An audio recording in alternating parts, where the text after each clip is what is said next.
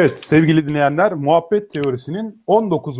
bölümünden sizlere merhaba. Ee, hemen bir canlı dinleyicilerimizle ses kontrolü yapalım. Sesimiz nasıl geliyor arkadaşlar? Sohbet penceresinden bizlere yazarsanız bizler de burada geri bildirimle beraber yayınımıza rahatlıkla devam edebiliriz. Bu arada eğer duyuyorsanız daha geri bildirim almadık ama e, bugün sizlere Tevfik Uyar ve Kaan Öztürk olarak sesleniyoruz. Merhabalar. Evet, herkesten merhabalar gelmeye başladı. Sesimiz gayet güzelmiş, süper, harikaymış. evet, e, Kaan'la bugün yapay ahlak konusunu konuşacağız sizlerle beraber. Yapay ahlak deyince tabii ilk başta e, biraz kulağa tuhaf gelebilir. Yani doğal ahlak mı var ki yapay ahlak olsun diye bir soruyla e, karşılaşabiliriz. Ama burada kastettiğimiz şey e, aslında yapay zeka çalışmalarında e, karşılaştığımız bir başka problem. Yani yapay ahlak dediğimiz bir e, zeka yaratacağız. Zeka demek genelde kendi akıllı kararlarını alabilen e, bir şeyden bahsediyor oluruz zeka, yapay zeka dediğimiz zaman. Ve peki bu kararların ahlaki boyutu nasıl olacak? Temelde bugün Kaan'la bu konuda tartışacağız. Bu konudaki fikirleri dile getireceğiz. Evet Kaan, öncelikle nasılsın? Valla iyilik, sağlık, e, güzel konu bulmuşsun ya. Sen güzel bir, bir yazı yazmışsın. İTÜ dergisindeydi galiba değil mi? Ee, yani aslında, sayının kendisi de güzel, senin yazın da bayağı ilginçti. Yani birkaç ay önce ben herkese bilim teknolojide robotunuza terbiye vermemişsiniz tarzı bir yazı yazmıştım yani. ee, fakat İTÜ Vakfı bu sayısını yapay zekaya, 75. sayısını yapay zekaya ayırınca e, sağ olsunlar yani Türkiye'de yapay zeka ile ilgili işte bilim kurgu tarafı olsun özellikle e, yazdığım için bana da bir teklif geldi. Ben de bu yazıyı biraz daha genişleterek yazmaya karar verdim. Çünkü köşe yazısında çok sınırlı bir e, yerimiz oluyor. Ve biraz daha aslında geniş olarak ele aldım. E, aklıma da işte bugün şey dün konuları konuşurken e, aslında kendi açımdan kolaycılığa kaçtım tabii. E, biraz araştırdığım bir konuydu ama senin de hali hazırda e, bilgisayar üzerine çalışmalar olan birisi olarak bu konuda fikrin olacaktır diye sana teklif ettim. Sen de kabul ettin işte. Durum bu yani. Sağ ol sağ ol. Yani senin bilgin benden daha çoktur ama bu sefer de sen daha çok anlatırsın. Dinleriz öğreniriz ne yapalım. Estağfurullah. Maksat Peki, muhabbet olsun. Hadi sor anlatayım hadi. e, tamam sorayım o zaman. Şimdi e, ne diyelim? Ahlak dediğimiz nedir şimdi ya? Yani makinelerde niye ahlak arıyoruz? Ya bizde ahlak var mı da makinelerde arıyoruz? yani aslında bizde ahlak yok abi. Şu son zamanlara bakarsak Türkiye'de. Tabii ya. Biz, biz, Konu... o, biz içiyoruz, bilmem ne şey yapıyoruz, konuşuyoruz, ileri geri konuşuyoruz. Bizde ahlak yok zaten ya. Şimdi ya ahlak, ahlak derken ya şimdi ahlakın tanımını yaparsak ve itiraz edenler de olursa yani bayağı iş şeye gider ama ahlak şöyle söyleyelim. E, toplumsal olarak belirlediğimiz bazı iyi ve kötü dediğimiz standartlar var. Ee, yani genel olarak tabii bunlar sonuçta meta ahlak tarafına geçip şey de diyebiliriz tabii. Hani iyi nedir, kötü nedir falan diye de hani onlara girmiyorum. Hani adam yani, öldürmek kötüdür falan diyoruz sonuçta hepimiz. Ha, evet. Yani uzmanı değilim bu işi. Çok okuduğumu söyleyemem ama bana ilginç gelen şey şudur. Ahlakın temel kabullerini herhangi bir şekilde delille, ispatla, bilimsel yöntemle veya akıl yürütmeyle gösteremiyorsun. Yani neden e, can almak kötüdür? İşte orada sağduyu devreye giriyor abi. Yani ha insan bir şekilde galiba empati e, ve sempati devreye giriyor burada. Hani biraz e, kendine yapılmak istemediğini rahatlıkla algılayabildiğin olayları kötü olarak adlandırman çok kolay oluyor. Evet ama bir de mesela e, ne bileyim hayvanların canını almakta hiç beis görmüyoruz. Hemen alıveriyoruz. O da biraz ee, şeye gibi bağlı aslında. o aslında çok karışık bir konu da her hayvan da değil ilginçtir. Yani empati demiştim ya. Heh. Bak empatiyle buradan güzel bir e, bağlantı kurabiliriz. Kimse sivrisinek öldürmek konusunda beis görmüyor. Doğru mu? Doğru. Sivrisinek doğru. öldürmekte. Hayvanseverlerin sivrisinekler hususunda herhangi bir e, aktivist hareketi yok. Ya benim küçük oğlan aslında geçen de şey demişti. Ya niye sivrisinekleri öldürüyoruz? Onlar sadece işte ya, yumurta yapmak, yavrularını büyütmek için azıcık kanımızdan madde alıyorlar. Yazık değil mi demişti. Evet kesinlikle ki biz onların yaşam alanlarını işgal etmiş bulunuyoruz düşününce. e, fakat e, söz konusu kedi, köpek ya da işte e, hayvan, daha büyükbaş hayvanlar vesaire olunca e, biraz tepkiyle karşılaşıp hani hayvanlara olan şiddet daha e, böyle ahlak dışıymış gibi algılanıyor. Bunun nedenini Hı. Richard Dawkins'in karısı Marion Stop Dawkins şöyle açıklıyor. Hı. Ee, diyor ki yani insan olarak maalesef burada da çok insan merkezci bir e, bakışımız var. Hayvanları kendimize ne kadar benzetiyorsak Hı. duygusal olarak özellikle yani hani üzüntü, sevinç, ay köpek üzüldü, köpek mahcup oldu ya da kedi üzüldü, mahcup oldu vesaire falan. Yani özellikle duygusal olarak kendimize benzettiğimiz hayvanlar Hı-hı. konusunda hayvanların göz çektikleri acıya ancak empati duyabiliyoruz. Yoksa sivrisineği çat diye abi vuruyorsun tamam mı? Değil mi? Hiç, hiç kimse tamam mı böyle birden giyotinle boynunun vurulması e, gibi algılamıyor olayı yani hiç bizim e, dışımızda bir mesele yani. E, biraz öyle.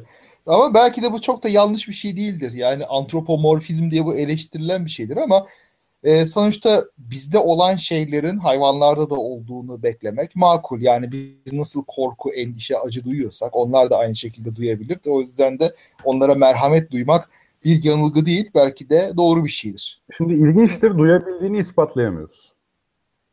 Ee, eh, ee, haliyle. Yani, Abi niye davranışsal deneyler falan bir psikolojik deneyler tamam, bunları göstermez bunların mi? hepsi aslında bir insan bakış açısıyla yorum. Yani bir hayvanın acıdan kaçınmasıyla senin acıdan kaçınmanın aynı e, yani görünür görünüş olarak benzer olduğuna eminiz. ee, ama esasında hayvanın ne hissettiği konusunda emin değiliz. Çünkü zaten emin de olamayız. Ee, e, aynı mantıkla bir insanın e, bizimle aynı acıyı çektiğinden de emin olamayız. Ki eski çağlarda şöyle... köleliğin böyle ırkçılığın normal kabul edildiği zamanlarda siyah derililerin insan altı olduğu ve onların bizim gibi acı çekmediğini falan düşünen beyazlar vardı mesela. Evet tabii vardı. Fakat e, yine Richard şey Richard Dawkins'in eşi değil de yani Marion Stark Dawkins değil de galiba o Hayvan Zihni kitabının yazarı vardı. Şimdi unuttum. Hayvan Zihni. Arkamdan kitaplıktan bakayım evde olmanın avantajını kullanarak. Ne güzel. Ee, şu an kulaklık yeteri kadar uzamıyor. Sen devam et istiyorsun. Valla işte şey var. E, bazen böyle her şeyi kendi merkezimize alıyoruz. Belki de yanlışımız o. Şimdi e, merkezimize ha, alırken başka şeyi merkeze aldığımız için yanlış yaptığımızı düşünüyoruz. Şey, şimdi e, mesela bir kedinin sevgisi var mıdır yok mudur? Sever mi sevmez mi? Şimdi bölüyorum. Ha, şimdi ha. bak bölüyorum. Tamam yine aynı sonuca geleceğiz de. Ki, şimdi e, insanlarla ilgili bilişsel deneyler yapmak yani daha sonra hayvanlarla ilgili bilişsel deney yapmaktaki zorluk ve emin olamamızın esas nedeni hayvanların dil kullanmaması. Tamam. İnsanlarda en azından tamam mı bir şeyi tanımlayıp karşı taraftan kendi duygusunu tanımlamasını isteyip e, yine senin söylediğin gibi asla emin olamayız. Karşımızdaki bilinçli bir zombi de olabilir. Sadece taklit de ediyor olabilir tamam mı? Tabii. Ee, ama ve lakin en azından dil ile anlattıklarının doğru olduğu varsayımda kişinin neler hissettiğini anlamaya çalışıyoruz. Yani işte senin oğlan gelip sana bir konuda çok üzüldüğünü, baba bugün böyle bir şey gördüm ve ben çok üzüldüm dediği zaman onun sözlerine güveniyorsun. Orada böyle bir skeptizme girmiyorsun. Nasıl emin olacağım ben bu oğlan üzüldü mü acaba diye. E, doğru tabii. Çünkü onun o dille kendi duygularını aktarabildiğini varsayıyorsun. Doğru mu? Doğru. Ama dilsiz olsaydı acı çekmediğini düşünmezdim. Bak düşünmezdin e, ve muhtemelen zaten acı çekme aslında sinirsel faaliyette tanımlayabildiğimiz bir şey. Tamam. Vicdani acıdan bahsetmiyorsak eğer. Tamam. Ee, o biri olabilir. bahsediyoruz. Ama, Ama mesela bir, tamam. bir hayvanın çocuğunu kaybettiğindeki davranışını düşünelim tamam mı? Doğru tamam. Bizimki gibi böyle bir hasret kay, kaybın acısı mı Yoksa evrimsel olarak çocuğunu kaybettiği zaman ses çıkararak çocuğunun kendisini bulunmasını sağlayan bir e, tepki mi ortaya koyuyor? Bundan emin olamıyoruz. Doğru mu? E, bir dakika şimdi bizim verdiğimiz tepkinin evrimsel olarak programlanmış içgüdüler olmadığını varsayıyorsun burada. Yani bizi özel bir yere koyuyorsun. Koyuyorum çünkü işte biz dil kullanarak bunu anlatabiliyoruz. Yani ben sana diyebiliyorum ki yanıyor içim Kaan yanıyor içim diyebiliyorum yani. Abi bir su iç geçer. Şimdi ama şu diyeceğim. Peki. Ee, şimdi prensip olarak başka hayvanlardan köklü farklarımız olmadığını biyolojik olarak biliyoruz. O biyolojik zaman neden olarak, evet davranış ha, olarak ama bayağı davranış kötü. olarak o zaman niye büyük farkımız olsun? Yani bir ruhumuz olduğuna inanmıyorsak Hayır, eğer. ruh değil ya. Ruh değil. Hı. Biz kompleks bilişsel davranışlara sahibiz. Tamam da bunun başka hayvanlarda olmadığında ispatlamadığımız türcülük oluyor. Yani Hayır, biz asıl, şey yaparız bak, mesela aşk acısı çekeriz, hasret çekeriz. Gider. Olduğunu ispat etmen gerekir, olmadığını değil. Bir dakika, bir dakika. Hayır burada e, onus başka kimin üstünde o belli değil. Ben insanken Bak şimdi, olduğunu burada, anlatabiliyorum sana. Yani üzülüyorum. Şimdi burada ma- falan burada diyerek. makul varsayım Burada makul varsayım nedir? E, sen neysen başka insanlarda olur. Değil mi? Makul olan o. Öyle olmadı. Ya makul olan o diyemeyiz. Yoksa ben okuma yazma öğrenebiliyorum. Makul olan o zaman hayvanlar da kesin öğrenebilir değil. Yani. E, goriller öğrenebiliyor. Okuma yazma öğrenemiyor canım. Yunuslar öğrenebiliyor. Leksikon böyle 4-5 tane şekil dili öğrenebiliyor sadece. E tamam. Öğreniyor işte. Yani sembol işleme yetenekleri var. E, tamam ama kültür üretme var. yetenekleri çok zayıf. Bak biz insan olarak manyak bir kültür üretebiliyoruz. Hayvanlarda kültür üretimi çok sınırlı. Sembol üretimi yani. inanılmaz sınırlı ve e, genelde içgüdüsel olarak ortaya çıkıyor. İnsa, insanlar 200 bin yıldır dünya üzerindeler ve son birkaç bin yılda bu kültürü ürettiler ama. Hayvanlar farklı şekilde ortalıkta dolaşıyorlardı. Doğru abi ama hayvanlar şey, bize daha uzun süredir o 2000 yılda bile kültür üretememişler. Hayır ben tabii ki insan merkezi yapıp biz daha iyiyiz abi hayvanlardan demek istemiyorum. Yani şeyim o değil de. Ee, yani demek istedim tamam neyse ben aslında konuyu ya sonuçta Şeye geçelim o zaman. Asıl, asıl konumuzda da e, kendi mesela bunlar yapay zeka üzerine çalışan insanların robot duyguları acaba nasıl olacak diye düşünürken hayvanlar üzerinden bunu e, aktarmaya çalışmalar. Mesela çünkü şöyle bir şey de var. Biz köpekler köpekleri biz yapay seçilimle evrimleştirdik tamam mı? Yani köpek tamam. evriminde insanın yapay seçilimi inanılmaz büyük tamam. bir şeye sahip, paya sahip. Dolayısıyla ben yanlış bir şey yapınca kaşlarını böyle şey yaparak tamam mı düşürerek yüzünü mahcup mahcup duran köpeğin gerçekten mahcup olduğunu düşünmeye eğilimindeyim. Ama işte gerek yapay zeka ile uğraşan, gerek hayvan davranışlarıyla uğraşan e, kişiler diyor ki e, hayır bu kaş hareketi muhtemelen bizim kaş hareketimize benzediği için biz herhangi bir yanlış yapınca bir şekilde kaşlarını herhangi bir sebeple bunun gerçekten bir duygudan kaynaklandığından emin değiliz. Tamam mı? Herhangi bir sebeple yüzünü düşürüp mahcup görünen köpekleri seçtik. Ee, şöyle diye ilkleri tabii ki benzetemeyiz. Onlar şey içinde ben kedi sahibiyim o yüzden ama e, Mesela manipüle etmeyi öğreniyor hayvanlar. nankörlük olarak adlandırıyorsun. Nankörlük insana has bir şey. Yani bak, bak sana şöyle diyeyim. Kedi, yani. kedi beni bizi nasıl terbiye ediyor kediler? Kediler mesela sadece insanlara miyavlar biliyor musun? Birbirlerine miyavlamazlar. Ve böyle bir ciyak benim kediler oyun istedikleri zaman bir ciyaklıyorlar. Ağlayan çocuk ağlarsa öyle. Bir şekilde bu şerefsizler bizim bu bebek ağlaması gibi sese Aa, acele tepki verdiğimiz... ha? Ne oldu ağzımı bozdum diye mi kızdın? Yani kediye tabii şimdi kediye şerefsiz şaka şaka devam et abi. Kedi değil birey birey tüylü birey. Miyavlayan tüylü birey. tamam. Bu Bu arada senin sesin kesik kesik geliyor Kaan. Ha ben biraz oynuyorum da ondan dur. Ha, aman oynama. Ee, dinleyicilerden de tepki geldi. Tamam. tamam. Şimdi oynama şıkıdım şıkıdım. Burası inşallah daha iyidir. Köpekte de mesela orada bizim gözümüzün içine böyle gözün akını falan göstererek baktığında bizim yumuşadığımızı keşfediyor onlar da. O yüzden bir halt işlediklerini bildiklerinde öyle bir duruyorlar. Ha, aff affediyor beni öyle diyorlar. Ya Ama işte ben... öyle, öyle mi diyor abi? Affetmek kelimesini sen nasıl yani affetmek kavramını nasıl yerleştirdin o zihne de oradan onu düşünüldüğünü çıkartıyorsun. Bak Bu, bunların hepsi ya, insan merkezli yakıştırmalar ya. Bir şeyin insan merkezli olması gerçek olmadığını göstermez. Tabii Bunlar gerçek olmadığını göstermez ama pekiştir, yani o pekiştirme öğrenmesi. Şey gibi olur. Bak bak bak şimdi gelecek bana böyle mıy mıy yapacak. Bir dinle, bir dinle delikanlı, bir dinle. evet. Pekiştirme öğren ne bileyim e, şeyi bir şey koparttım. Ondan sonra böyle baktım. Bana çok kızmadı adam dedi. E ondan sonra böyle oldu. Bu nedir? Bu af dilemektir. Biz buna bir kavram olarak isim veriyor olabiliriz. Hayvan bunu soyutlayarak bir kelime kullanıyor olmayabilir. Ama davranış aynı davranış. Kedide de aynen. Ben böyle bebek ben böyle bağırdığım zaman benimle oynuyor diyor. Yapıyor. Şimdi burada bir amaç var. Bir e, karşındakini anlamak da var. Bak karşındakini taklit etmek var. Bu bizde bize özgü değil yani bu. Yani şeydir hayvan zihnini çok hafife almamak lazım. Ya Aa, bizim yaptığımız böyle, her şey bilinçli. Onlarınkisi sadece yani, Allah güdü diyor yok. Senin Biz sesin... onlar içse onların bile. Kötü mü geliyor sesim ya? Bayağı Kötü da yakın mikrofon ama. yayından çıkıp geri mi gelsen? Hadi ya. İyi tamam. Sen öyle yap. Ben seni tekrar bağlayayım. Tekrar. Tamam ee, Ben seni tekrar davet ederim yani. Tamam. Tamam. Çıktım. Sen çık gel abi. Evet böylece Kaan'ı baktım ki çok itiraz ediyor. Böyle bu bahaneyle gönderdim. Programa artık yalnız devam ediyorum sevgili dinleyenler. Yok şaka şaka şuradan geri davet edeceğim. Teknik problemi böylece aşılacağını varsayıyoruz.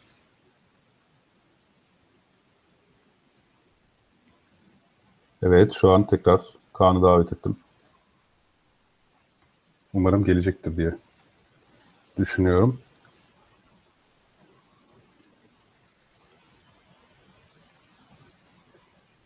Evet. Evet Kaan gerçekten geldi. Tamam. Güzel.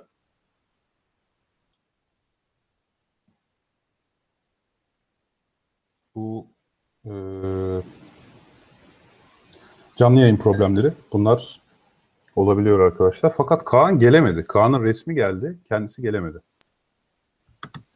Ha geldi. Süper. Tamam. Tamam. Şimdi sesin daha net geliyor. Güzel. Geldim. Evet. Seste yine bir kesilme olabiliyor Hoppala. yalnız. Ha. Şey, ya başka- internet belki Evet. bir sorunu tüketen olabilir. başka bir şey var mı? Bakayım. Başka bakayım bir, şey, bir pencere daha çıkmış onu da kapatıyorum Torrent, şimdi. torrent böyle Aa yok torrent. böyle sanki yük- Tabii şey yüksek bir e, veri tüketen bir şeyin varmış gibi. tamam. Şimdi Tamam. bak tamamdır. İdare ederiz artık herhalde değil mi? Hala hala kesik kesik geliyor. Bayağı e, dinleyici tarafından da. Evet. Yani muhtemelen ben seni kesik kesik duyuyorum. Bu tarafta kesik kesik duyuyor. Yani dinleyiciler de sadece benimle ilgili değil. Peki şöyle devam edelim o zaman. Ee, tamam bir şekilde e, hayvanlar konusunda şu an tam anlaşamayacağız. Ya zaten bu konuda iki görüş var. Bir tanesini sen savunuyorsun, bir tanesini ben savunuyorum şu an. Zaten çok e, net bir e, karara varıldığını söyleyemeyiz. Ama en azından şöyle söyleyeyim. Genel olarak yapay zeka ile uğraşanlar e, duyguları insanların yorumladığını kabul ediyor. Belki böyle kabul etmeleri lazım ki yarın bir gün robot, robot duygularını inşa ederken e, diğer bireyler olan bizler, diğer bireyler dedim robotları da birey kabul ederek e, diğer bireyler olan bizlerin robotları nasıl algıladığı, e, robotları bir birey olarak algılayıp algılamadığımızda tam olarak e, bu meseleyle alakalı olacak. Yani biz robotların e, işte kişilikleri olup olmadıklarını tabii ki gösterdikleri bazı duygusal davranış paternlerinden anlayacağız. Hatta müthiş bir deney vardı. Yeri gelmişken bahsedeyim. Hı. Bir deneyde e, deneklerden basit problemler çözmelerini istiyorlar. Bilgisayarda basit problemler çözüyorlar. Bu deneklere bir robot yardım ediyor. Tamam mı? Tamam. Robot yardım ediyor derken yardım da yani ahım şahım bir yardım değil. Hı. Ama e, bir grubun, bir gruba yardım eden robot bayağı başarılı yardım ediyor. Hı hı. Yani robot akıllıca davranış gösteriyor. Fakat diğer gruba robot yani yardım etmeyi beceremiyor, beceremiyor hatta neredeyse trollüyor öyle söyleyeyim yani. Yani çok Hı. salak saçma davranıyor. Hı. Neyse en sonunda deney prosedürü olarak deneklerin robotu kapatması lazım. Çok ilginç bir Tamam. şekilde robot kendisinin kapatılmaması için yalvarıyor. Hadi ya. Tamam mı? Bu programın parçası mı kendi kendine mi deney olmuş? prosedürünün parçası. Ha tamam. Robot yalvarıyor ne olur beni kapatma, ne olur beni kapatmasan falan. İşte e, genelde kişiler ama kapatmam lazım falan diyor. Şimdi e, önünde sonunda tabii herkes kapatıyor ama e, kapatıp kapatmamak konusunda çok kararsız kalıyor denekler. Ve bu robotun zeki davrandığı, yardımsever olduğu durumlarda ortalama kapatma süresi, kapatmaya karar verme süresi diğerinden çok daha uzun. Hmm. Yani robot salakça davranmışsa adam çat diye kapatıyor lan seninle mi uğraşacağım diye. Robot akıllıca davranmışsa onun e, ne olur kapatma e, yalvarmalarını ciddi ciddi vicdani bir mesele gibi algılıyor. Hatta niçin kapatma yani çok özür dilerim ama kapatmam lazım bana kapatmam söylendi falan filan diye. Böyle Of, ciddi ciddi açıklamaya girişiyor yani. iyiymiş. Yani isyan etmiyorlar ama en sonunda isyan etseler daha, daha enteresan olurdu. Kapatmıyorum lan falan diye. Yani evet belki yani yapan oldu mu tam deneyim prosedürünü hatırlamıyorum ama süreler karşılaştırılmış. Yani önde sonunda e, prosedür uymaları gerektiği için kapatmışlar galiba. Ya süreler arasında çok ciddi fark var. Çok ilginç. Ee, evet. Öte yandan e, tabii görüşleri de alınmış e, deneklerin. Yani yalvarmak Hı hı. niye tereddüt ettin, neden kapatırken falan filan diye. İşte burada robotu ne kadar akıllı algılamışlarsa o kadar birey olarak algıladıkları ortaya çıkmış. Hmm. O ilginç. Yani, Bak sen. Çünkü e, aslına bakarsan diğerinde çok salakça davrandığı zaman pek insan gibi değil de daha böyle nasıl söyleyeyim bilinçsiz bir hayvan yani, gibi algılama eğiliminde olmuşlar. salakça gibi derken böyle rastgele cevaplar verme açısından. Gibi yani tro trolleme, trolleme gibi. Hmm. Yani o daha şekilde. e, ya da beceriksiz, yanlış yönlendirme gibi falan filan. Yani bir şekilde dikkate dikkate al yani düşük zeka davranışı göstermiş. Hı. Tam detayları şimdi ancak tabii makaleye bakarak tekrar söyleyebilirim de aklımda bu özet kısmı kaldı. Anladım tabii.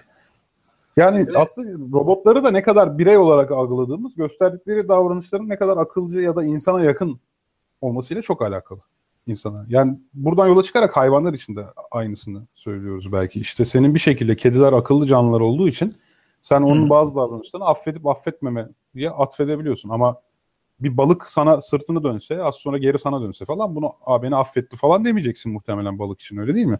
E, muhtemelen demeyeceğim. Ama bunun içinde tabii sebeplerimiz var. Yani evrimsel olarak yakınlığımızı biliyoruz hayvanlara ama o konuya dönmeyelim tabii. Onda tamam, evet, anlaşamamakta anlaştık diyelim. E, yani asıl konumuz da daha enteresan zaten. İstersen o yazıda bahsettiğin felsefi açmaza ikileme bir girelim. Ha, evet. Onu asıl konuya geçerken çalışalım. evet. Philippa Foot'un çok meşhur bir sorusu var. Ben bunu dinleyicilere sorup şöyle kısa bir anket yapmak istiyorum. İzninle. Hı. Tabii ki. Şimdi bir tramvay var. Meşhur tramvay problemi. Hatta bunun ne railway problem miydi? Neydi bunun adı ya? Tramvay probleminin. Demir yolu problemi derler. Demir yolu. Demir yolu. Makas var ya tramvayda evet. pek olmuyor. Ee, çok meşhur bir problemdir. Şimdi şöyle bir e, tren hayal edin. Bu tren yolu üzerinde gidiyor ve yolu üzerinde dört kişiyi öldürmek üzere. Çünkü trenin yolu üzerinde dört kişi birileri tarafından, kötü niyetli birileri tarafından raylara bağlanmış. Öte yandan orada bir makas var. Makasla treni diğer yola döndürme şansınız var. Fakat diğer yolda da tek kişi bağlı. Yani orada oraya da birini bağlamışlar. Orada da birisi bağlı yatıyor. Dolayısıyla makas sizin elinizin altında. Treni durdurma şansınız yok. Karar vermek için fazla vaktiniz yok. Ya, ya makası değiştirip tek kişiyi öldüreceksiniz. Ya makası hiç değiştirmeyeceksiniz. Bırakacaksınız. Dört kişi ölecek. Evet genel olarak böyle bir durumla hakikaten karşılaşsanız kararınız ne olur? Makası değiştirerek. Bu arada hiç kimseyi tanımıyorsunuz. Yani o dört kişiyle bir kişiyle tamamen özdeş sizin için bu insanlar. Orada o makası değiştirerek e, tek kişiyi mi öldürürsünüz yoksa dört kişiyi mi öldürürsünüz? Ben e, dinleyicilere bu mevzuyu sormak istiyorum.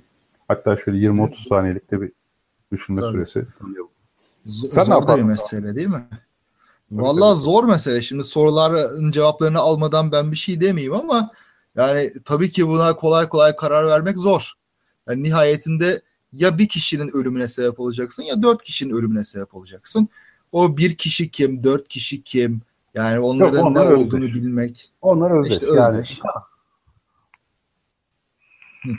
İşte o, bu şekilde bakıldığında tabii bir basit sterilize bir düşünce deneyi gibi de görülüyor. Bu arada Ama tabii duygularımızın bize söylediği bir şey var. O dört kişi de bağlı. Ee, soruyu yanlış anlaşılırsa cevap değişir. Yok herkes bağlı. O beş kişinin tamam bağlı. Pardon abi böldüm. Sen devam et. Estağfurullah estağfurullah. Ee, değişik şeyleri var aslında. Böyle bazı şeyleri duruma göre değerlendirmek lazım derler ya. Bu bana biraz öyle geliyor. Bütün bu açmaz denen şeyler. Tabii bununla ilgili başka bu işi konuşacaklarımız da var ve açılacak şeyler de var. Ondan sonra bir makine bunu nasıl düşünüre de geldiğimizde enteresan şeyler çıkar. Ben şimdi kendimi tutuyorum da. Evet. Yani zor bir mesele. Zor mesele. Tamam genel olarak insanlar e, kişiyi öldürmeyi değil bir tek kişiyi öldürmeyi tercih ettiler. Dört kişiyi kurtarmayı. Evet bu soruya verilen cevapların çoğu böyle. Çünkü sağduyumuz bize sonuçta birileri ölecekse e, minimum insan ölsün. Maksimum insan yaşasını e, Aynen. söylüyor. Sağduyu böyle söylüyor. Genel olarak da cevaplar bu yolda zaten. Buna da biz Heh. utilitarianist ahlak yani sonuççu ahlak diyoruz. Bir olayın sonucunda e, maksimum kişinin mutluluğunu, iyiliğini hedefleyen ahlaki karar verme disiplini. Genel ha. olarak demokrasi de bunun üzerine kuruludur zaten. Demokraside de bir politika belirlenirken e, şimdi iki politika var diyelim. E, bu iki yani evet hayır diyelim. Bu bir referandum olsun. E, burada bir kişinin böyle müthiş salahiyetini mi yoksa bütün bir toplumun mu diye seçmek istediği zaman toplumunkini seçince utilitarianist e, ahlak içerisinde elbette çok daha fazla sayıda insanın mutluluğunu hedefliyorum diyerek böyle bir karar vermiş Evet. oluyorsun. İşte o Şimdi- zaman da durum tabii rezil oluyor. Kakaya sarıyor. Niye dersen Neden? Şimdi bir kere o bir kişiye şimdi bakalım. Belki o bir kişi e, 8 tane çocuğa tek başına bakan bir anne. Ne oldu? Sen o 8 çocuğu yetim bıraktın. Belki de açlığa mahkum ettin. evet, aynı Veya böyle fakirlere yardımcı eden birisi. Ya bu internette herhalde bir arızalar bilmem neler var. Hafifçe bir yavaş bende. Yani kusura bakmasın dinleyicilerimizde böyle bir problem oldu şimdi. Canlı yayında olur abi öyle şeyler artık. E, herhalde öyle. Şimdi ama bu deneyi yaptık ya bir de sonrakine bunun bir e, üst versiyonunu da yapalım. Ama ben zaman. şeyi hiç duymadım. Senin itirazına o 8 çocuğa bakmakla ilgili. Ha. İtirazım şu. E, sen dedin ya dört kişi için de aynı şey geçerli olabilir olasılık olarak dedin. Hı Ben de dedim ki onlar erkek olabilir mesela. Bir tanesi ise işte çocuklu bir kadın olabilir. Ama bir tanesi de şey kanser ilacı geliştirmek üzere olan bir Mesela Erkek o öldürdüğün anda yani çalışmaları durduğu için İşte o yüzden bu şeyde basit parmak hesabıyla işte utilitarian yaklaşımla bu olmuyor. Daha doğrusu utility fonksiyonunu çok iyi ölçüp biçerek tartmak Evet, gerekiyor burada eğer öyle bir şey yapacaksan. Sadece can sayısı. Yani buradaki fayda sadece e, Ha. living body yani fayda şeyin bu. İşte Ee, o da pek işlemez. Demiş bak trolley problem. Evet trolley problem diye geçiyordu bu. Ee, Evet Şimdi doğru. burada kişinin Şimdi bunun bir versiyonu daha noktada- var evet, biliyorsun. Evet. Bir de doktor versiyonunu beraber düşünelim. İstiyorsan sen söyle. Ya istiyorsan ona gel, do- doktora geleceğiz. Doktora geleceğiz de bunun ufak bir e, varyasyonu var ya onu bir yapalım. Şimdi Tamam. tren geliyor raylarda. Bu sefer makas yok elimizin altında ve dört kişiye doğru yine tren gidiyor. Tamam. Ama Evet, hemen dinleyicilerimiz iyi dinlesin. Aynı köprüsü- onlara da soracağız çünkü. Evet. hemen yanı başımızda böyle iri yarı şişman bir adam var. Raylara düşerse tek. Şimdi biz e, Tam o orası makası kesildi. çevir Tekrar söylemek istiyorum. Tam orası kesildi abi. söyle söyle. Şimdi Tek- tren yine dört kişiye doğru gidiyor. Bu sefer makas falan yok. Biz yukarıda bir köprüdeyiz. Yanımızda da acayip şişman, iri yarı bir adam var. Hemen önümüzde hatta. Hemen önümüzde. Doğru mu? Evet. Evet, aynen öyle. Ve biz bu adamı raylara atarsak tren duracak ve dört kişi kurtulacak, canı kurtulacak. Yani adam Şimdi- o kadar şişman ki treni durdurma potansiyeli var. Aynen öyle.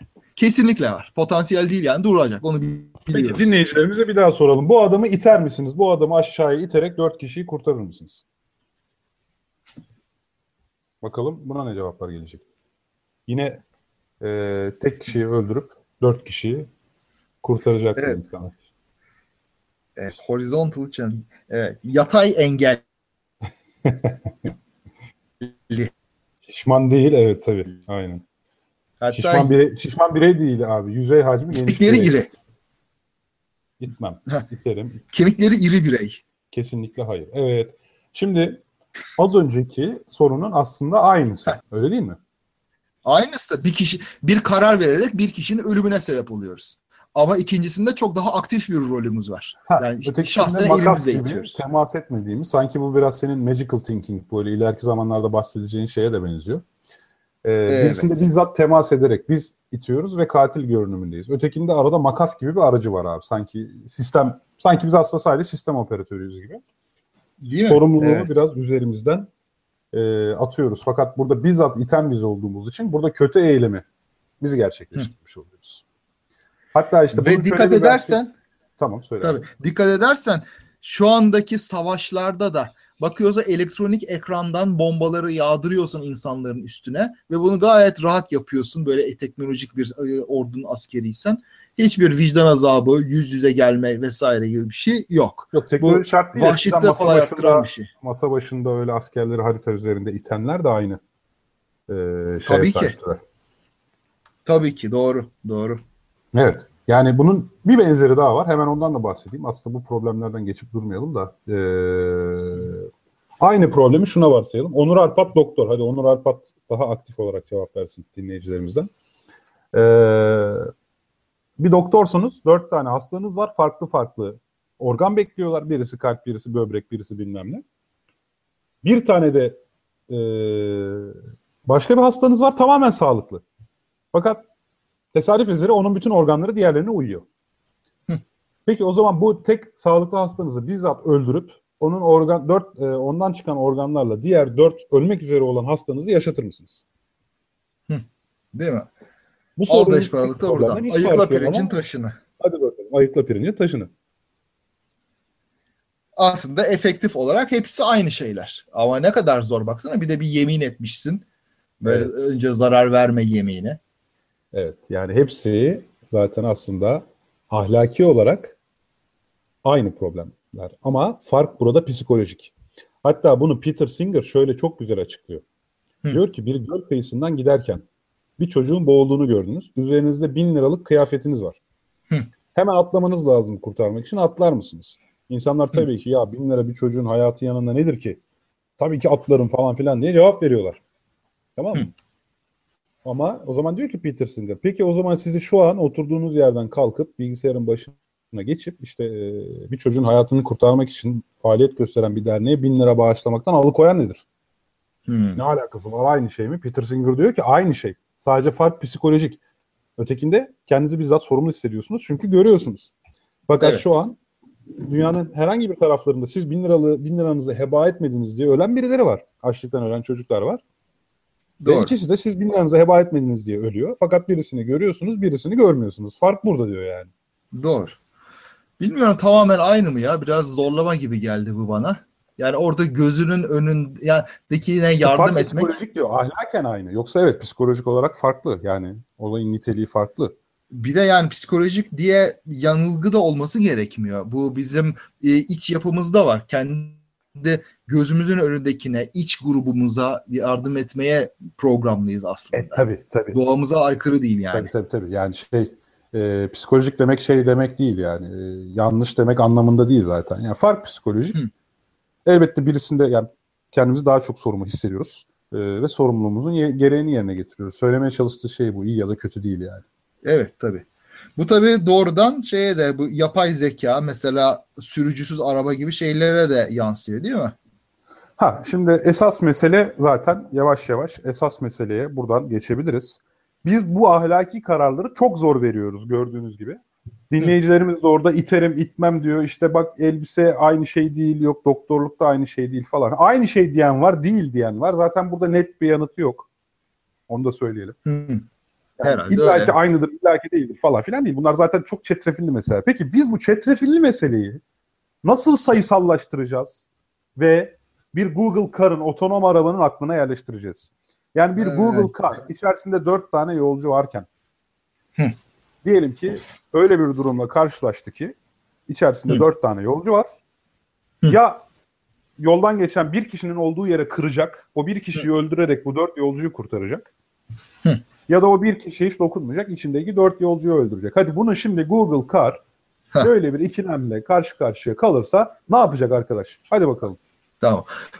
Önce şunu söyleyeyim. Birazdan söyleyeceğim. Yani böyle bir ikilemin aslında pek de olmayacağını, bunun bir zorlama örnek olduğunu düşünüyorum ama şimdilik oynayalım. Ee, Yani imkansız mı böyle bir senaryoyla karşılaşmak abi? e, Değil şöyle bence. söyleyeyim. Ya birazdan söyleyeceğim dedim ama şimdi şöyle söyleyeyim. Ee, imkansız olmayabilir ama akıllı araçlar bu şekilde yapay zekanın geliştiği araçlar caddelere hakim olduğu zaman böyle bir durumun zaten ortaya çıkmasını önceden engelleyecek şekilde davranacaklardır. Ee, sağa veya sola kırma yapacak mesela adam. Veya böyle bir durumun e, olmasını engellemek için hızını ayarlayacak. Çevresindeki arabalara göre hızını ayarlayacak. Ya şimdi şey yapmayalım. Yayaları ya. sürekli takip Bak, edecek. Bu açıdan ele almayalım. Oyun- e, bu oyunu oynayacağım ama önce bu şeyi olmayacağını neden düşündüğümü söyleyeyim. Ondan sonra asıl şeye geleceğim ben. Dilemaya geleceğim merak etme. Abi Google Car'da olmaz Yani- da yani atıyorum fabrika işçileri e, bir tane robota tutunurlar bir yerden düşerken. Bir kolunda robotun dört işçi, bir kolunda bir işçi olur. Robot bakar ki ikisini aynı anda kurtaramayacak ve bir fedakarlık yap. Yani bir taraftakini ancak kurtarması gerekebilir. O zaman kimi kurtaracak? Yani hani illa, illa ki Google Car gibi hani meseleyi şey olarak ele alalım. Bağlamında ele alalım yani. Tamam. Şöyle diyelim o zaman. Bu şey ahlak kurallarını bilgisayar nasıl öğrenecek? Biz nasıl Evet. öğreniyoruz? Öğreniyor muyuz? Bir kere o var. Hadi öğrendiğimizi varsayalım. Biz nasıl öğreniyoruz? Biz kültürel Baka olarak baka. öğreniyoruz abi. Ha, Toplumsallaşma ha. sürecinde önce anne baba, sonra okul. Evet. Yani baka baka biraz tamam mı? Deneme yanılma.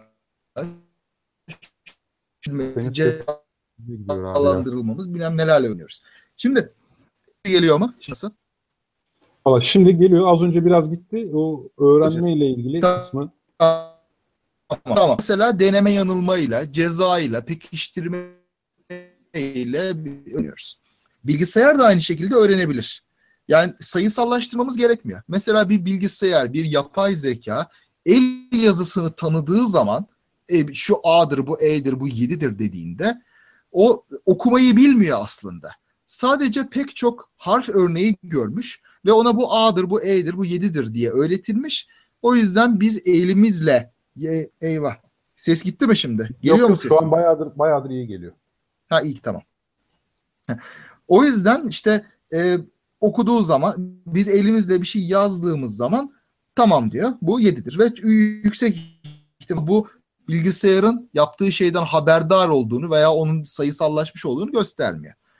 Şeyde de mesela bizim davranışlarımızı gözleyerek bir bilgisayar bu davranışlardan bizim kabul ettiğimiz ahlak kurallarını çıkarsayabilir pekala. Onu bu şekilde Zaten- eğitebiliriz. Evet, Koray Al da şeyde bahsetmiş. E, MIT'nin bir çalışması var. Hı. Bu benim ilk e, herkese bilim teknolojiyi ben yaz, yani keşke bunu daha önce bilseydim. Galiba ama ben yazmadan ön, son, yazdıktan sonra çıktı bu mevzu. Hatta adresini Hı. şu an tüm dinleyicilerimizle şeyle paylaşıyorum sohbet ekranında. Ee, tam olarak senin dediğin gibi bu projede MIT'de yürütülen bu projede şu an sen de buna katılabilirsin. Tüm dinleyicilerimiz de katılabilir. Hı hı. Bize e, Google Car'ın karşı karşıya kalabileceği bazı ahlaki senaryolara ilişkin sorular soruyor. Ve sen bir insan Evet. olarak neyi seçerdin? E, onu söylemeni istiyor. Aslında senden öğrenmeye çalışıyor. Tam da öngördüğün gibi yani. Aynen. Ha ama bir de bunun öbür yüzü var. Bu model bir yüzü var. Bizden öğrendiği şeyi uygulayan bir nefret edeceğiz. Niye? Nasıl yani? Demin verdiğimiz örnekleri düşünün. Şöyle. Bak şimdi önce ilk örneğinde demir yolu örneğinin birinci halinde ne yaptık? Herkes bir kişiyi öldürmek için gerekli eylemi yapmayı doğru buldu. Hemen Şimdi hemen, bilgisayar da buna baktı ve dedi ki tamam ben dört kişi için bir kişiyi feda ederim. Ama ondan sonraki durumda önüne şişman adam çıktı. Kaldırdığı gibi rayların üstüne attı. Biz o zaman bu yapay zekayı alkışlamayacağız. Katil diyeceğiz, terminatör diyeceğiz, aha Skynet diyeceğiz, lanetleyeceğiz. Ama zavallının yaptığı şey tamamen aynı. Biz tutarsızız. Biz, Şimdi biz, sesi, biz tutarsızızdan sonra gitti. Ee, bizim bizim zihnimiz sorunlu. Bizim aklımızda çiğ tutarlılık yok. diyorsun yani. Yani bilgis bir bilgisayar, bir yapay zeka gerçekten bir ahlaki şey Hayır abi, bir yetenek dakika. Geliştirirse Sorun bizde değil ama sorun yani insanoğlu da zaten aşağıda makası değiştirirken yukarıda itmeye karşı geliyordu. Yani tutarsızlık yok burada. makası değiştirirken bir kişinin ölümüne cevaz veriyorsun. Tamam, aşağıda biz de makası değiştirip bir kişiyi öldürebiliyorduk. Fakat yukarıda Ha. biz de şeyde zorlanıyoruz. Ee, tek kişiyi bizzat aşağıya atmakta. Ha, Dolayısıyla işte robot bunu yaptığı zaman ona e, kızıyor olmamızda tutarsızlık yok. ama robotun yaptığı robotu eğitemiyorsun o zaman. Robotu Çünkü- ama Arada makas gibi bir şey varsa yap yoksa yapma bak kınanırsın falan diyebiliriz. Çünkü aslında ahlaki karar zaten kınamaktan kaçınma kararı değil midir? Kınanmaktan. Hmm, Niye yok. şu an bu Değil. yayında küfür etmiyoruz abi? Biz hiç kü- hayatlarında küfür etmeyen insanlar mıyız mesela? O ben bayağı ederim seni bilmem de. Ha. Esas olarak çünkü biz şu an böyle bir yayında küfür etmenin uygun olmayacağını ve kınanacak kınanacağımızı düşünerek yapmıyoruz değil mi? Ee, tam değil. Doğru olanı yapmak biraz da Ha, şey tamam. etik yani. İşte o zaman bilgisayara da eğer söz konusu makassa, robota da yani söz konusu makassa bunu yap abi. Eğer söz konusu makas değilse böyle senin bir adamı bizzat ellerinle aşağıya fırlatman çok hoş değil. Orada yapmayı öğretebiliriz o zaman doğru mu? Ve insan ahlakını yine Ee, kopyalamış oluruz oraya. Ama o zaman burada tutarlı bir şey olmaz. Bu saçma eklektik bir şey olur. Yani burada amaç tutarlı bir robot değil, ahlaklı bir robot yaratmaksa tutarsızlıklarımızı da aynen kopyalamalıyız o zaman. Evet, diyebileceğim bir şey yok buna. Evet haklısın. Ama dediğin robot örneğine hani dört işçi düşerken tutulmuş bir koluna, bir işçi bir koluna tutulmuş. Orada bu robotun ama bir tanesini silkelemesi lazım. Evet o, ama o, o zaman kimse şey demez ya. Hı. E, tabii robot orada ne kadar kendini açıklayıcı bir şekilde e, ifade edebilir o ayrı mesele de. Hı. Yani orada herkes yani robot işte eninde sonunda bir kolu kopacaktı. Hı hı. Yani bekleseydi iki kol da kopacaktı hatta herkes ölecekti. Öyle düşün. Beklememek için en sonunda işte bir tarafı feda edip ötekileri kurtardı dediğin zaman galiba ama bunu kim diyecektir? Bunu ancak robotun şirketi falan söyler herhalde. Robot bunu kendisi ifade edebilir evet. mi mesela? Bu da önemli bir soru herhalde bence. öyle. Ama tabii benim hala düşüncem bunların zorlama örnekler olduğu. Yani bu açmazların çoğu, etik açmazların çoğu gerçek açmaz da değildir. Gerçek şartlarda ortaya çıkmayacak şeylerdir biraz da. Sen Şimdi, de haklısın e, ama insan olarak da zaten bu gibi açmazlara çok ekstrem zamanlarda düşüyoruz abi. Zaten çok nadiren ama, düşüyoruz yani. Ama işte şu var kendimize uygulamadığımız hassasiyeti makinalardan veya onların programcılarından bekliyoruz. Yani bir bakkal köy minibüsünün ortada saçtığı teröre bak. Bir de bu e, sürücüsüz arabaların yapabileceği belki milyonda bir ihtimalle olacak şeye bak. Yani bu çok kesinlikle da şey değil. Evet, kesinlikle haklısın. Yani insanla karşılaştırınca zaten yani hele minibüs şoförüyle karşılaştırınca. Yani bana ben her zaman yapay zekayı daha emniyetli bulurum. Mesela o yani şeyde ne oluyor? İnsan bir şey yaptığında çok yüksek ihtimalle onun aptallığından, ihmalkarlığından, tembelliğinden canımız gidiyor. Ne oluyor? Kader, tamam. kısmet. Peki sana bir soru yani? Aramızda Müjdat Bal diye bir dinleyici var. O pilot mesela. Ee, o Airbus A320 pilotuydu zannedersem. Ee, peki aynı şeyi uçak için söyler misin? Yani pilotları olmayan bir uçağa, pilotları olan bir uçaktan daha çok güvenirim diyebilir misin peki? Ee, şimdi daha şuna şunu söyleyeyim. Programcılara güvenebiliyorsam bilgisayar şeyde bilgisayarda yapay zekaya da güvenirim. Aynı şey doktorlar için de geçerli. Bir yapay zekanın koyduğu teşhise daha çok güvenirim. Hakimler için geçerli bu. Yapay zekanın verdiği hükme daha çok güvenirim. Ama bunların hepsi tabii programcıda bitiyor. Algoritma tasarımcısında bitiyor. Evet, Algoritma iyi mi tasarlandı? Algoritmanın doğru tasarlandığını nasıl güvenirsin? Bunu görmeden nasıl güvenebilirsin? Ha, işte o nasıl güvenirim? Ee, şeydir yapay zeka işte, yapay öğrenmede test ve e, şey öğretme ve test diye ayrı ayrı veri e, takımları vardır. Yani senin verin varsa bunu ikiye bölersin. Büyük kısmını eğitmek için kullanırsın. Küçük kısmını da e, bu eğitimini denemek için kullanırsın. Aynı öğrencide olduğu gibi biraz. Yani mesela yargıç robotu eğittin.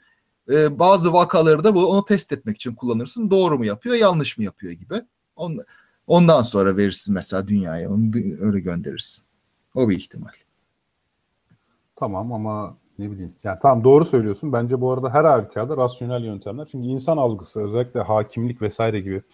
Ee, sen Hı. bilirsin Dan Ariely mi yapmıştı Kahnemanlar mı? Hangisini? Bu, e, İsrail'de şartlı salı verme kararlarına bakan hakimlerin kararlarını Tabii. inceliyorlar. Bazen aynı koşullarda iki mahkumdan birine şartlı tahliyeyi kabul ettiklerini fakat birinde kabul etmediklerini görüyorlar. Bunun üzerine araştırma yapılıyor tamam mı?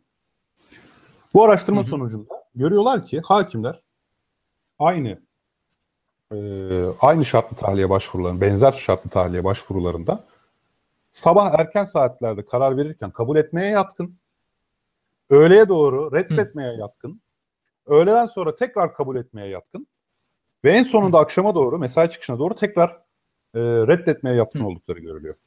Bunun arkasındaki teori şu, biliyorsun bu Kahneman'ın sistem 1, sistem 2 yaklaşımı var. Şimdi normalde evet. bir şartlı tahliye başvurusunda default karar, varsayılan karar reddetmektir. Çünkü adam Dört kişiye tecavüz etmiş. O bile şartlı tahliye başvurusu yapıyor. Tamam mı? Şansını deniyor. Genel olarak yani default karar red. Yani dolayısıyla bir şartlı tahliye başvurusunu kabul etmek için o hakimin kesinlikle e, olayı çok iyi incelemesi ve bu incelemeye göre karar vermesi lazım. Hı hı. Tabii. Şimdi sabah kahvaltı yapmış gelmiş bir hakim sistem 2'yi çalıştırmak için yeteri kadar glikoza sahip olduğu için ya da henüz iş yeni başlamış yorgun değil. Gayet sistem 2 ile çalışıyor ve şartlı tahliye başvurularını çok ince titizlikle değerlendiriyor ve bazılarına kabul veriyor. Kabul vermek zaten efor isteyen bir iş çünkü. Beyin eforu istiyor. Ama ne zaman acıkmaya başladı? Ne zaman beynini daha az kullanıp sistem bir daha ön plana geçmeye başladı? O zaman default kararı uyguluyor abi. Yani çok inceleyemiyor, çok inceleyemiyor. Bir katili veya hani bunu hiç hak etmeyen birini toplumun arasına salmak yerine reddetme eğiliminde oluyor. Hı. Evet. Yani dolayısıyla evet dediğin gibi ben şartlı tahliyeyi kişinin işte hapishane içerisindeki e, iyi davranışları yani son zamanlardaki daha önceki suçları, yaşı vesaire gibi bir formüle göre karar veren şartlı tahliye hakimine normal bir hakimden daha çok güvenirim o zaman. Çünkü bu adamın sabah kahvaltıda ne yiyip ne yemediği bile bir şey değiştirecek yani. Orada mısın? Ses, Bilki. Alo, Kaan. Kaan gitti. Tek başıma kaldım. Sonra yok yapay zekaya daha çok güvenirim falan filan. Bak görüyorsun yani. Sonra yapay zeka ile hareket eden hakim tam o esnada verileri kullandığı yerle internet bağlantısı kopacak. Gerekli önlemler alınmadığı için hop yanlış bir karar verecek. Evet Kaan hoş geldin. Heh. Tamam ya. tamam yok, geldim. Yapay zekaya yok güvenirim, yok bilgisayar sistemlerine güvenirim. Al işte ya bir bağlan bağlantıda bile sorun yaşıyorsun arkadaşım yani. Kılıyorum biraz. Şimdi evet güvenirim birçok şeyde. Emniyenirim. Yani tutarlılık açısından güvenirim ama fazla böyle yapay zekaya kararlarımızı da emanet etmek doğru. Şimdi hiçbir şeye karar veremez olacağız. Her şeyimizi işte bak bakıcılara bırakacağız. Böyle onlar her şeye bizim için karar verecek. İleride evet. belki bizim için ekecekler, biçecekler, ağzımıza yedirecekler. Biz böyle oturacağız. Böyle şey patates gibi büyüyeceğiz. Karpuz gibi veya yata yata. Belki de on, ondan da kaçınmak lazım. Biraz böyle hataları, yanlışları, irrasyonellikleri biraz sineye çekerek kendimizi böyle biraz zorluğa maruz bırakıp onunla büyümeyi göze almak, her şeyi böyle yapay zekaya bırakmamak da iyi olabilir. Yani şimdi şu var, yapay zekaya bırakalım ya da bırakmayalım. Şimdi her şeyden önce zaten bir denetim mekanizması gerekliliği yine olacak, yine olacak. Yani biz bugün çok kritik sistemleri insanlara da bıraksak bir denetim mekanizmasıyla takip ediyoruz. İşte Müjdat Bal da bize söyleyecektir. Asıl Tabii. zaten ben bu işi yapıyorum. Hani her ne kadar böyle ayda bir e, uçakların e, CVR şey FDR'ların yani Flight Data Recorder'larını hani kara kutu dediğimiz var ya. Tabii. O kara kutuyu incelemek için kaza olmasını beklemiyoruz. Sürekli o kara kutu verileri zaten toplanıyor. Ve sürekli bu veriler incelenerek işte sürekli olarak aynı hatayı yapan pilot var mı? Sürekli olarak aynı arızayı veren uçak var mı? Hı. Biz bir uçağın içerisinde bir otomasyon sistemi olsa da o otomasyon sistemi sürekli aynı hatayı üretiyor. Bunları biz sürekli izliyoruz zaten. Yani Hı. dolayısıyla bir sistemi yapay zekaya bıraksak da ki bugün işte Google Card da devamlı inceleniyor zaten hani şu an test prototip aşamasında veya yarın ticarileşip piyasaya tamamen çıktığı zaman hiç incelenmeyecek diye bir şey yok. Çok yüksek olasılıkla bir emniyet yönetim sistemi kurulacak orada da. Safety Management System dediğimiz SMS. Ve bu SMS Hı. dahilinde zaten sürekli olarak bu veriler incelenerek sürekli olarak geliştirilecek. Yani ama bu ahlak kurallarını değiştirecek sonra, muhtemelen yani. Ama 100 sene sonra 200 sene sonra e bu artık çok iyi çalışıyor bunu denetlemeyelim diyeceğiz. Bir süre sonra öyle olacak. Bir süre sonra artık bir olayla karşılaşırsa ancak inceleme süreci başlayacak. Yani e, belki çok da kötü ee, şey derler ya Alfred North Whitehead'in lafıdır. Uygarlık insanların düşünmeden yaptığı işlerin sayısının artmasıyla ilerler diye. Evet araba kullanmayı da düşünmeden yapacağız yakında. Başka şeyler yapacağız. Ya muhtemelen düşünecek başka şeyler bulacağız. Evet her zaman yeni düşünecek şeyler çıkacaktır. Bu arada her şeyi yapay zekaya bırakma meselesiyle ilgili de şöyle bir şey söylemek istiyorum. Hı. Bu Nick Bostrom'un e, çok ciddi bir kaygısı var. Adam diyor ki e, otomobil ilk icat edildiği sırada Amerika'nın at nüfusu diyor 28 milyondu. Hı hı. Bugün diyor yani bir ara çok kritik 300 binlere kadar düştü diyor. Hı. Neyse bugün yine zevk için şu için bu için at sayısı 2-3 milyon. Tamam mı? Evet. İşte muhtemelen diyor yapay zekanın gelişmesi ve ilerlemesi hani her zaman şey diyoruz ya yok insanların işlerini alacak, işsizlik artacak falan. İşsizlikten öte insan nüfusu azalacak muhtemelen diyor. Hı. İyi. Yani, yani iyi de tabii ama bu katliamla azalmayacaksa iyi. azalmayacak. Tabii ki bir kıtlık ortaya çıkacak. Bu kıtlık sonucunda muhtemelen e, savaş ortaya çıkacak. X olacak, Y olacak. Hani bu, bu, bu süreçler sancılı süreçler olacak. Çünkü burada çok büyük neden toplumsal kıtlık, kıtlık neden olsun ki? Yani otomatik otomasyon. Ay robotların sayısı arttı. Artık biz doğurmayalım diye mi olacak? E tabii. Refah içindeysen çok doğurmuyorsun. Bu Hayır. şeydir. Demografik paradoks diye bilinir. Yok doğru da bu senin dediğin böyle müthiş paralel ilerlerse olur ancak. Ama olay önce şöyle olacak. Robotlar işleri devralacak. Çok fazla işsiz insan açığa çıkacak. Çok fazla işsiz insan açığa çıkacak. Açlık, kıtlık ortaya çıkacak. Kıt kaynaklar için savaş, kavga, dövüş ortaya çıkacak. İhtilaller, savaşlar, darbeler, yeni ideolojiler falan. Hı, yok yok oraya sanayi devrimi dünya savaşlarını yarattı. Unutma yok, ya. Yok sanayi devrimi değil. Paylaşım kavgası dünya savaşlarını tamam, yarattı. Ama paylaşım kaygısını ortaya çıkaran yani paylaşımı ortaya paylaşım kavgasını ortaya çıkaran şey sistemdeki hızlı ve köklü değişikliklerdir zaten. Ha ya bak dur otomasyonla o dediğin olmaz. Çünkü şöyle. Şimdi bir fabrikatör bir işçilerini attı yerine şey yaptı robot aldı değil mi? Yani tamam. O malları nasıl satacak? E, attığı işçiler bir şekilde onu alacak yani müşterilerine onlar olacak.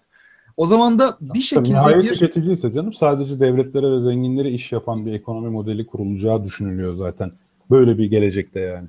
E, yani o geçindirmez ortamı. Hiç olmazsa ortada kalanlar biraz eker bir şey. Şu, şu olacaktır yüksek ihtimalle. Bak şimdi Avrupa'nın zengin ülkelerinde e, bir, bir minimum geçinme parası gibi bir fikir çıktı ya ortaya şimdi. Devlet ne olursa olsun ben sana şu kadar parayı geliri garanti ediyorum vereceğim. İster çalış ister çalışma. Avrupa'da çok zaman vardı da sanki en son Finlandiya'da ortaya çıktı sadece. Ha, bu, ha, işsizlik sigortası değil bu ama. Çalışsa da çalış. Alo bu kadar otomasyonla üretimi arttırmak çok kolay. O zaman da artık bütün ülkeler herkese bedavın dağıtabilecek. Yani yiyecek olsun, başka olsun. Siz veya işte sertifika kullanın, kupon bilmem ne diye. Duruma gelecek bence. O benim tahminim. Neyse bu çetrefilli konuyu bu teknik kısıtlılık altında tartışmayalım abi. Söylediklerin yarısı maalesef e, şey yapmadı. Gelmedi. Yapma ya. Vallahi ya. Hay Allah. Ee, Neyse tamam o zaman hadi burada yavaş yavaş bitirelim. Tamam, bir bence artık yavaş zaten. yavaş e, sona gelelim. Aslında tamam. çok güzel, çok verimli bir konuydu. Çok da güzel tartışıyorduk. E, ama sağlık olsun. Bir daha senin kotanı arttıralım abi. Sponsor alalım programa. Vallahi hadi bakalım şey yapalım. Para, ben... Paralel bir film çekme olabilir öbür tarafta artık onu şey yaparız. Aa, tamam peki anlaşıldı o zaman. tamam doğru. Evde birkaç bilgisayar varsa tabii cihazlar da var falan filan. Herhalde. Doğru söylüyorsun. Peki o zaman e, sevgili dinleyenler muhabbet teorisinin 19. bölümünde pek çok konuya değindik. Ahlak felsefesinin çetrefilli alanlarında dolaştık. E, yapay zeka ahlakından bahsettik.